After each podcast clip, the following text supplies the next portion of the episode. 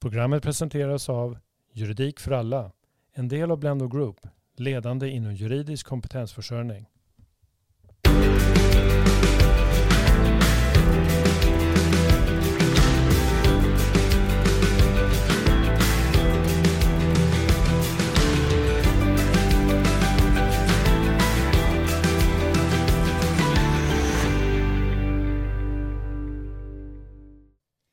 Då säger vi för tredje och sista gången i den här poddserien Dina relationer välkommen tillbaka till alla lyssnare som lyssnar på den här podden. Jag heter William Eriksson och försöker med både varm och stadig hand att leda det här samtalet framåt och med mig i studion har jag som vanligt Kristin Håkansson från Låli, välkommen.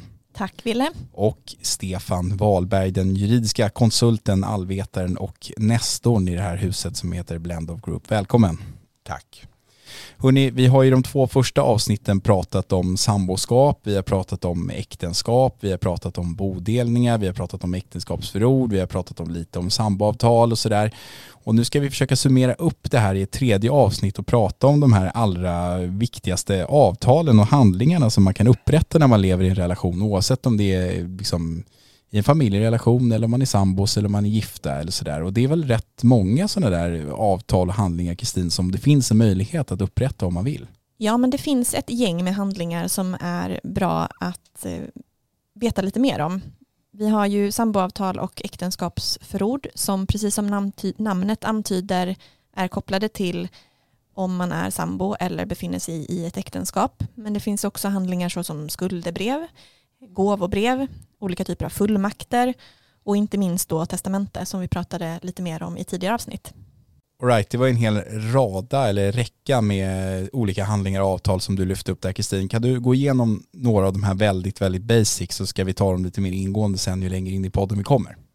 Självklart. Eh, samboavtal upprättas av sambor som i någon mån vill avtala bort sambolagen och framförallt då kanske de reglerna om bodelning som finns där i.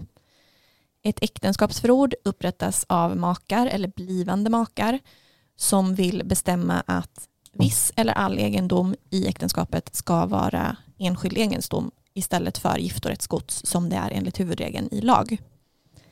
Ett testamente reglerar arvsordningen eller vem som ska ärva vad den dagen man går bort.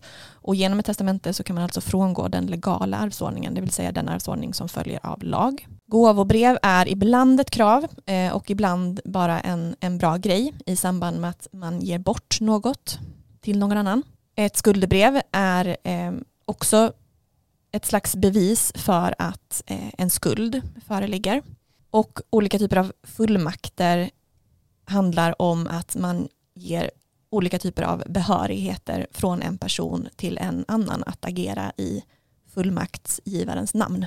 Kan vi ehm, stanna lite vid det här med fullmakter och sådär och kanske framförallt det som är en förhållandevis ny företeelse för många tror jag, nämligen det som kallas för framtidsfullmakt. Det låter ju nästan som om det vore någonting som skulle hända i rymden, men, men vad är en framtidsfullmakt och vad är det som händer om man ger någon annan en framtidsfullmakt? En framtidsfullmakt är en, en särskild typ av fullmakt som man kan säga är nyast i, i fullmaktsfamiljen. Fullmakter som sådana har ju funnits hur länge som helst men just framtidsfullmakten är ny. Ehm, lagen om framtidsfullmakter den trädde i kraft så sent som den första juli 2017 så det är drygt fyra år sedan. Och det som utmärker en framtidsfullmakt lite grann det är att den börjar gälla i framtiden eh, vid en viss men oviss tidpunkt och kanske aldrig. Det är nämligen så att den börjar gälla om man, det vill säga den personen som lämnar fullmakten på grund av sjukdom, psykisk störning, försvagat hälsotillstånd eller liknande varaktigt förhållande eh, inte längre har förmåga, förmåga att ta hand om sina egna angelägenheter. Okej, Stefan, det här blir intressant. Om jag då skriver en framtidsfullmakt till dig så är det alltså du som bestämmer när den här ska börja gälla, när du får ja, ta hand om mig helt enkelt. Det är ju ganska intressant tycker jag. Ja, givet att jag då har fått det förtroendet att uh, inte bara förvalta och sköta om dina affärer och vad det nu må vara, eh, utan också att faktiskt besluta att du är nu så virrig eller eh, dement eller av andra skäl inte kan ta tillvara din egen rätt att, att jag säger alltså nu går jag in och tar ansvaret för det här. Så är det och det är ett långtgående ansvar som man, som man ger till den som ska sköta ens angelägenheter naturligtvis. Vi kan väl säga det att man kan också bestämma att den här frågan ska avgöras av domstol. Så att det måste inte lämnas till fullmakts fullmaktsgivaren, fullmaktshavaren själv att eh, besluta när den har trätt i kraft. Nej, däremot så är det så att om fullmaktshavaren själv ska besluta och beslutar så ska han underrätta övriga an nära anhöriga om att så har skett.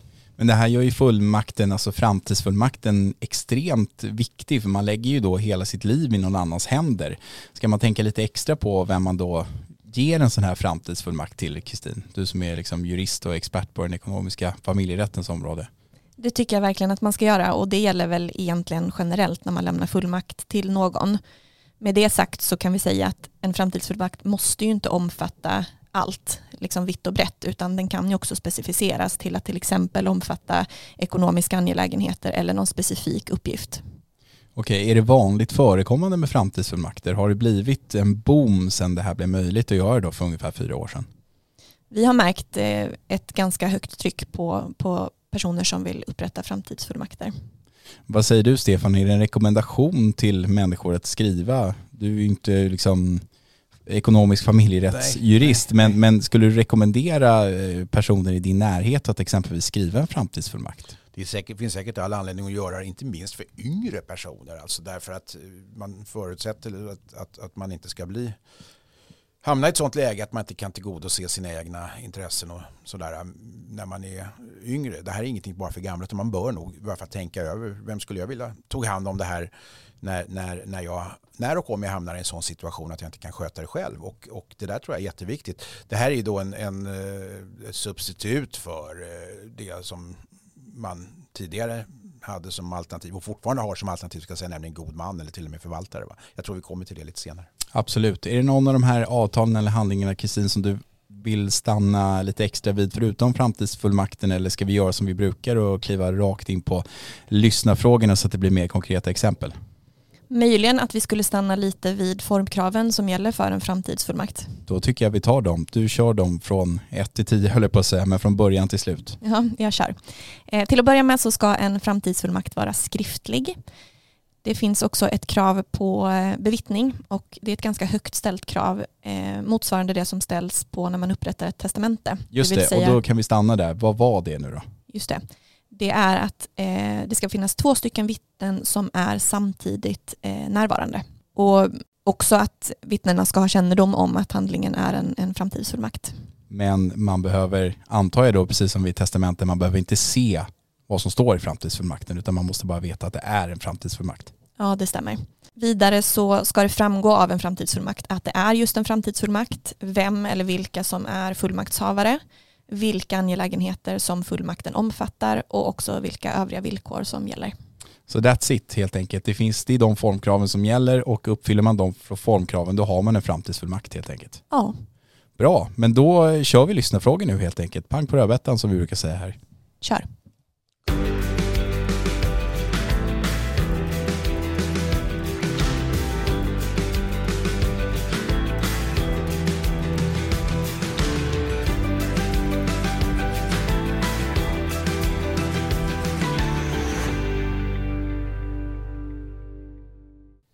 Lyssnarfråga nummer ett. Vad kan ett äktenskapsförord omfatta och krävs det att min man också undertecknar det för att det ska vara giltigt? Det vill säga krävs det att båda parterna undertecknar äktenskapsförordet om man vill ha ett sånt? Svar ja. Det är ett avtal som bygger på att man är överens. Så att båda makarna måste vara med på det som står och vilja upprätta det här äktenskapsförordet. Vad det gäller ytterligare formkrav då så ska det mm, vara skriftligt, det ska dateras och det ska undertecknas av båda makarna. Och sen ska det också registreras hos Skatteverket för att bli giltigt. Och det här är då formkrav som lagstiftaren har satt upp för att man anser att det är särskilt skyddsvärt och särskilt viktigt i både bevishänseende men också av andra skäl att det här går att i efterhand eh, klarlägga hur, vad man har kommit överens om. Det vill säga att ett, ett alldeles så vattentätt vanligt avtal som har upprättats kan aldrig ersätta de krav som finns på ett äktenskapsförord.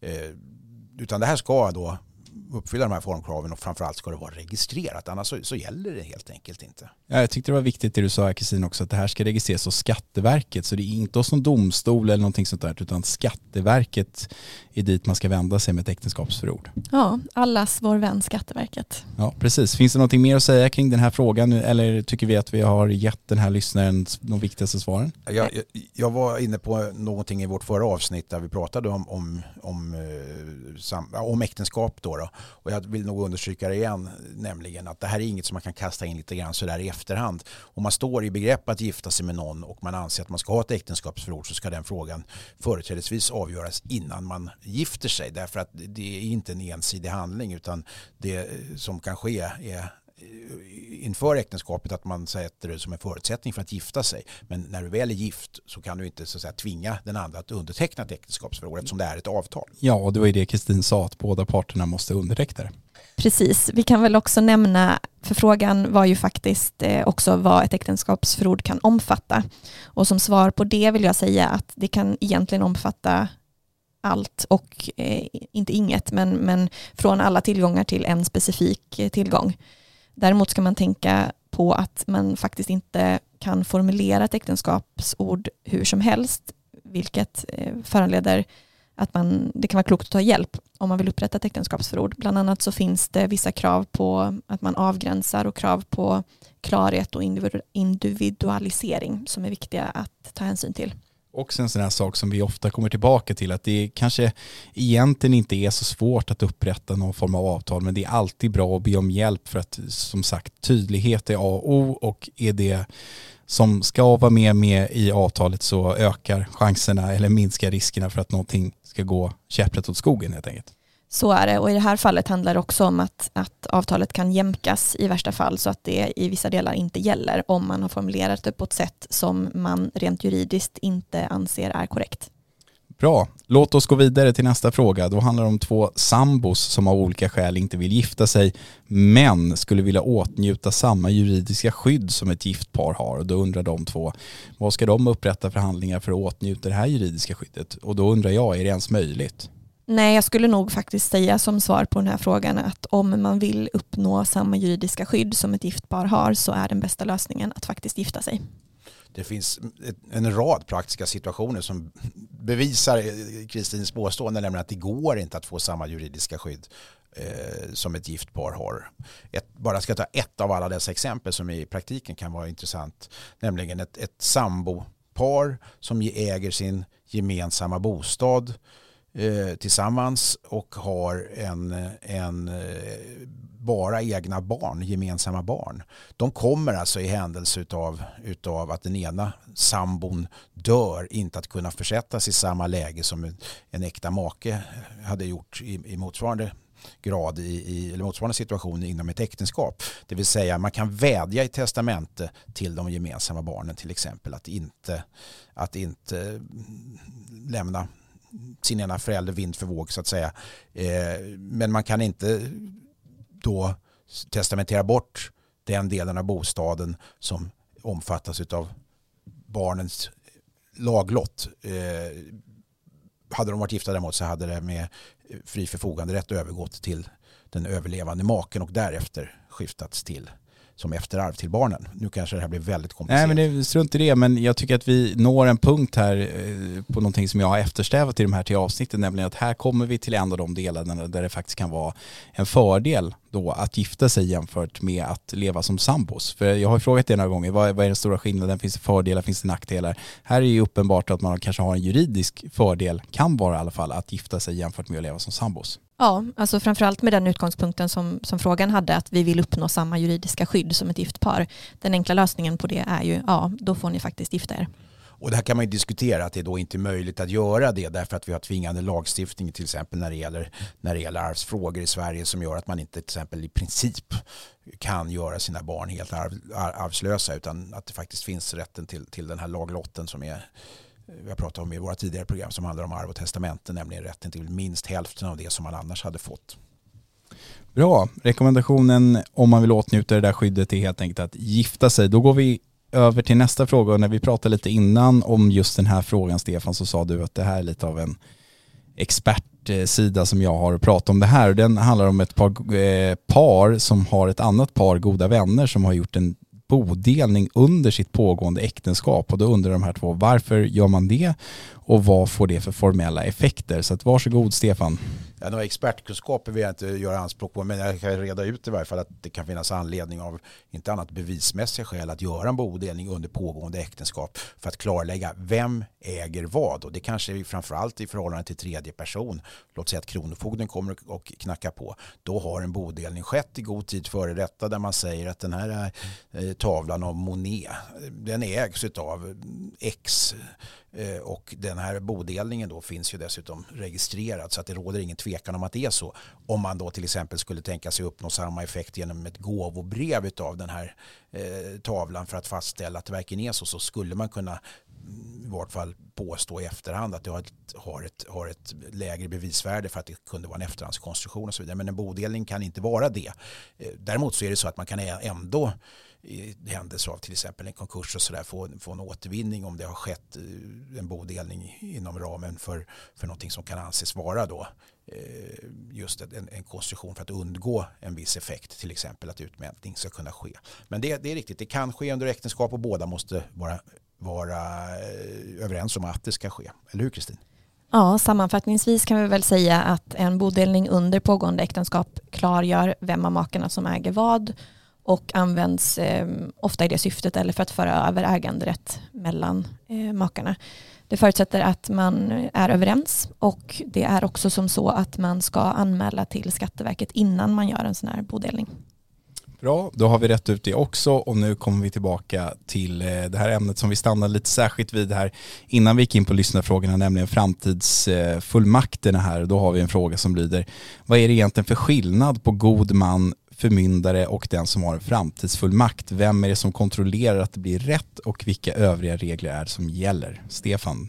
Att till att börja med så är det så att reglerna om god man och, och, och förvaltare har funnits innan vi fick lagen om framtidsfullmakter på plats då för 2017 tror jag det var. Yes. Eh, för att börja den änden kan man säga att god man är, är en person som sköter andras angelägenheter där personen är rättskapabel eller har då så kallad rättshandlingsförmåga. Det vill säga personen eh, ska själv kunna rent, rent um, mentalt sköta om sina, sina angelägenheter men av, av, av skäl som kan ha med allmän, det kan vara fråga om någon som är allmänt skrupplig eller, mm. eller sådär. Det är lättare att någon annan sköter om den här personens uh, affärer och uh, ekonomi och vad det nu må vara.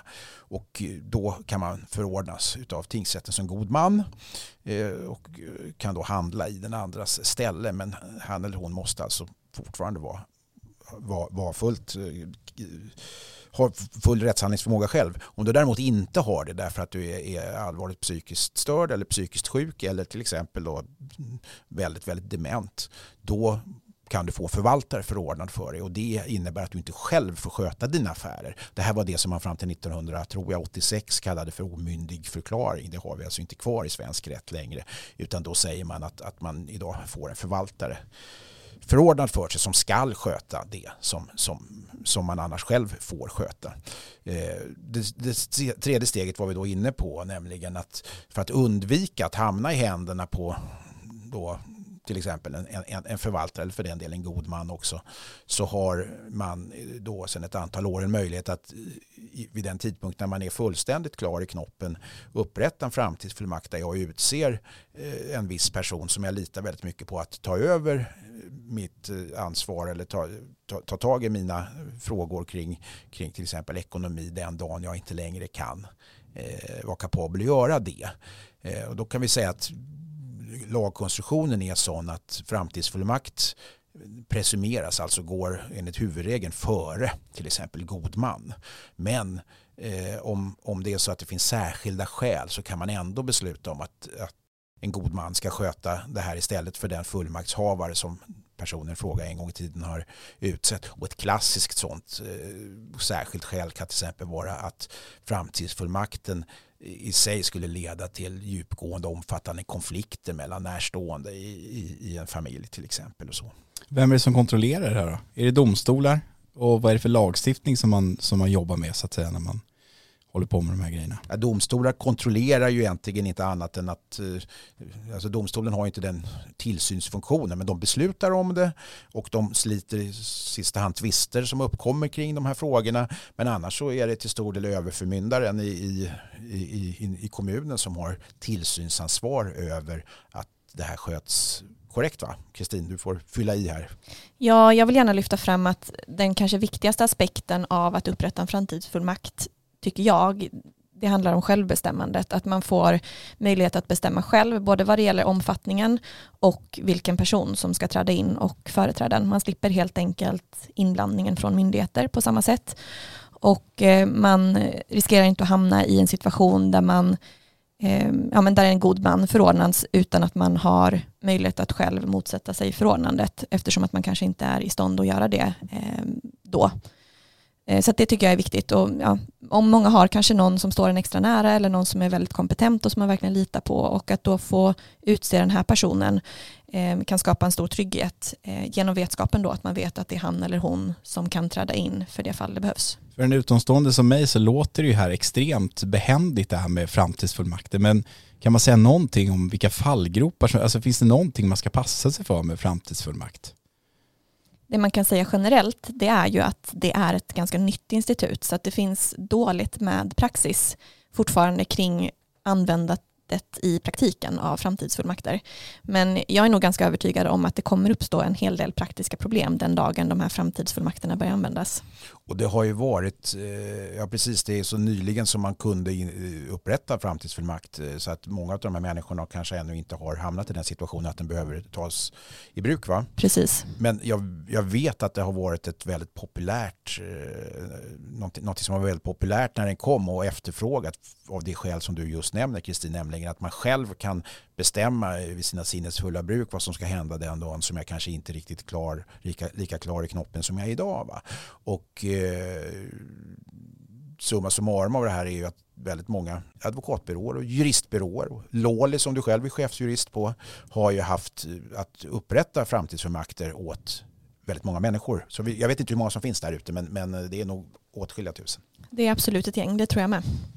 Okej, det var det vi hade att säga om framtidsfullmakter kring den här frågan. Låt oss gå vidare och då ska vi prata demens. För det här är en person som undrar så här. Innan jag blir dement så vill min man och jag upprätta framtidsfullmakter som innebär att vi inte vill ha någon god man eller förvaltare utan vi ska få sköta varandras angelägenheter så länge en av oss är klar i huvudet.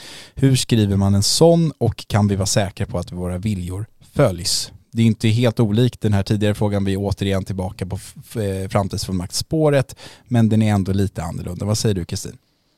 Ja, men vi har ju egentligen besvarat delar av den här frågan redan. Vi har pratat om formkraven som gäller för att upprätta en framtidsfullmakt. Och det kan väl understrykas då också att det är viktigt att upprätta de här i, i god tid så att man inte väntar för länge Eh, och redan är beslutsoförmögen vid den tidpunkten när man kommer på att oj, nu vore det bra att ha en framtidsfullmakt. Och vad det gäller formuleringar och omfattning och sådär, återigen, där är det väl absolut klokast att ta hjälp av någon med kunskap i frågan. Så att man får hjälp och lite tips och tricks kring hur man bäst bör formulera den för att den ska bli så klar och tydlig som möjligt men också praktiskt, eh, alltså att den kan användas i praktiken så att man inte skriver grejer i en framtidsfullmakt som sen inte kan verkställas och så går man i tron om att man eh, har skapat en trygghet för sig själv när man i själva fallet inte har det. När vi pratade testamenten så pratade vi om hur man skulle göra om man så att säga vill skriva ett nytt testamente om man redan har ett testamente. Hur ser det ut med full, framtidsfullmakter? Är det på samma sätt att man bara kan bränna upp en tidigare framtidsfullmakt och ändra så att man ger den här fullmakten till en annan person exempelvis? Du kan ändra dig, du kan eh, återkalla en fullmakt och du kan upprätta en ny om det är så att någonting händer eh, eller livet bara gör att du ändrar dig helt enkelt. För det känns så viktigt att påpeka liksom att om man nu, du rekommenderar att man ska skriva en fullmakt medan man är klar i huvudet så kan jag tänka mig att det människor sitter och funderar på lite är så här, vågar jag lägga allt det här ansvaret i Kristins händer eller i Stefans händer eller i Willes händer men då finns ju alltid den möjligheten då att återkalla så att säga. Ja, och då, ja, jag tycker ju, men jag är lite sådär fyrkantig i sådana sammanhang. Precis så lite. Som, nej, inte så lite kanske heller. När man återkallar, eller fel, när man upprättar ett nytt testamente så tycker jag ju att man för formens skull i testamentet ska skriva att detta testamente ersätter alla tidigare av mig upprättade testamenten. Så råder det ingen tvekan om huruvida ett testamente är ett eget testamente eller ett komplement till ett tidigare testamente. Och på samma sätt så kan jag då tycka att man i, i framtidsfullmaktsvärlden även ska lägga till samma formulering så att det inte råder någon som helst eh, tvekan kring de här sakerna. Men det är, det är inte ett formkrav, men man kanske bör göra det. Dessutom i den här frågan så ligger ju också, antar jag, eller utgår jag ifrån, jag kanske är konservativ, men eh, att de här parterna då, de här makarna, är, är, är eh, ungefär i samma ålder och då kan det naturligtvis vara av naturliga skäl vanskligt att ha en, en fullmaktshavare som, där man inte riktigt vet vem som då möjligtvis kommer att bli lite, lite virrig först i de här sammanhangen. Och då går också att i en framtidsfullmakt skriva in eh, sekund, alltså andra eh, sekunda fullmaktshavare som, som också får samma befogenhet som den första. Som då kanske inte har rätt att fullfölja sitt fullmaktshavande eftersom han eller hon själv inte är som han eller hon ska. Jag tycker att du har flera kloka poänger där, eh, Stefan, och det gör vi alltid i, i våra framtidsfullmakter. Att om, under förutsättning att man har en person som man kan tänka sig att utse i andra hand, så är det absolut en rekommendation att göra det. För att det som händer om man ger fullmakten till en person och den personen av någon anledning inte kan eller inte vill åta sig det här fullmaktsuppdraget, då faller ju hela fullmakten och då hamnar vi där igen, att det blir någon form av falsk trygghet. Då uppnår man inte det man vill, eh, även fast man upprättat en fullmakt. Eller om den tragiska händelsen skulle inträffa att, att fullmaktshavaren faktiskt dör innan, innan den ska kunna tas i bruk. Va? Menar, det kanske är ens barn som, som har en framtidsfullmakt och ett barn kan ju omkomma under tragiska former i en trafikolycka fast man då hoppas och statistiskt sett inte tror att det ska ske. Och där, där kan det också finnas en poäng i detta. Jag måste bara, för, du, vi pratade tidigare här Kristina och du, du nämnde då något, något fall, några frågor du har fått just kring det här med vilken ålder man ska vara. Det finns ju inga ålderskrav mer än att man måste vara 18 år. Men tycker du att man bör upprätta framtidsfullmakter även när man är i, i, i sån ålder att man inte normalt är nära att trilla av pinn av naturligt medicinska skäl? Ja, alltså hellre ta det säkra för det osäkra i det fallet är nog min eh, ståndpunkt. Det ligger ju nära till hands att tänka att risken för att man förlorar sin beslutsförmåga, vilket ju är ett krav för att fullmakten ska träda i kraft, blir högre ju äldre man blir. Men man kan ju tyvärr aldrig veta hur livet utvecklar sig. Man kan bli plötsligt sjuk eller råka ut för en olycka eh, eller sådär även i yngre ålder. Och då kan det kännas tryggt och inte minst underlätta för nära och kära att det finns en framtidsfullmakt på plats. Och då har jag en fråga, kan det innebära någon nackdel för den som så att säga blir fullmaktstagaren när man då får en liksom, framtidsfullmakt av någon annan? Alltså, Eh, kan det påverka den personens möjlighet att ge en gåva exempelvis från den här fullmaktsgivaren i julklapp eller i födelsedagspresent eller förstår du hur jag tänker här? Att, att, kan det innebära några nackdelar för den som får fullmakten av mig då som ger den till dig exempelvis? Och jag vet inte om vi ska prata om, om nackdelar just men det är klart att det är ju ett stort ansvar i många fall och ett stort uppdrag och det kan kräva en hel del arbete beroende på hur fullmaktsgivarens situation ser ut. Vad gäller gåvor då så är utgångspunkten enligt lag att en fullmaktshavare får lämna gåvor som faller in under definitionen personliga presenter till andra än sig själv. Däremot så kan man i en framtidsfullmakt reglera det här så att det som följer av lagen i den här frågan det gäller bara om man inte själv har förordnat om annat i själva fullmakten. Och då frågar jag som vanligt, precis som jag gjorde senast, vad, vad är det för typ av gåvor? Det måste vara ungefär liknande gåvor då som den här fullmaktsgivaren har gett i julklapp tidigare exempelvis då? Ja, precis. Så har man fått ehm. en, en, en eh, pappersfjäril ett år så kan man inte helt plötsligt ge en Porsche Cayenne nästa år i julklapp då? Nej, det kan man inte göra och det är också en förutsättning att värdet av presenterna inte står i missförhållande till fullmaktsgivarens ekonomiska situation och villkor. Ehm, I det här uttrycket personliga presenter så ligger också att man endast får lämna gåvor till fysiska personer som fullmaktsgivaren har en nära relation med. Så att det rör sig om till exempel släktingar och vänner och tillfällen då såsom födelsedagar och andra högtider. Eh, sedvanliga tillfällen, så det ska fortgå ungefär som det var tidigare eller som det skulle ha varit om personen fråga inte hade gått in i dimmorna, så kan man väl säga.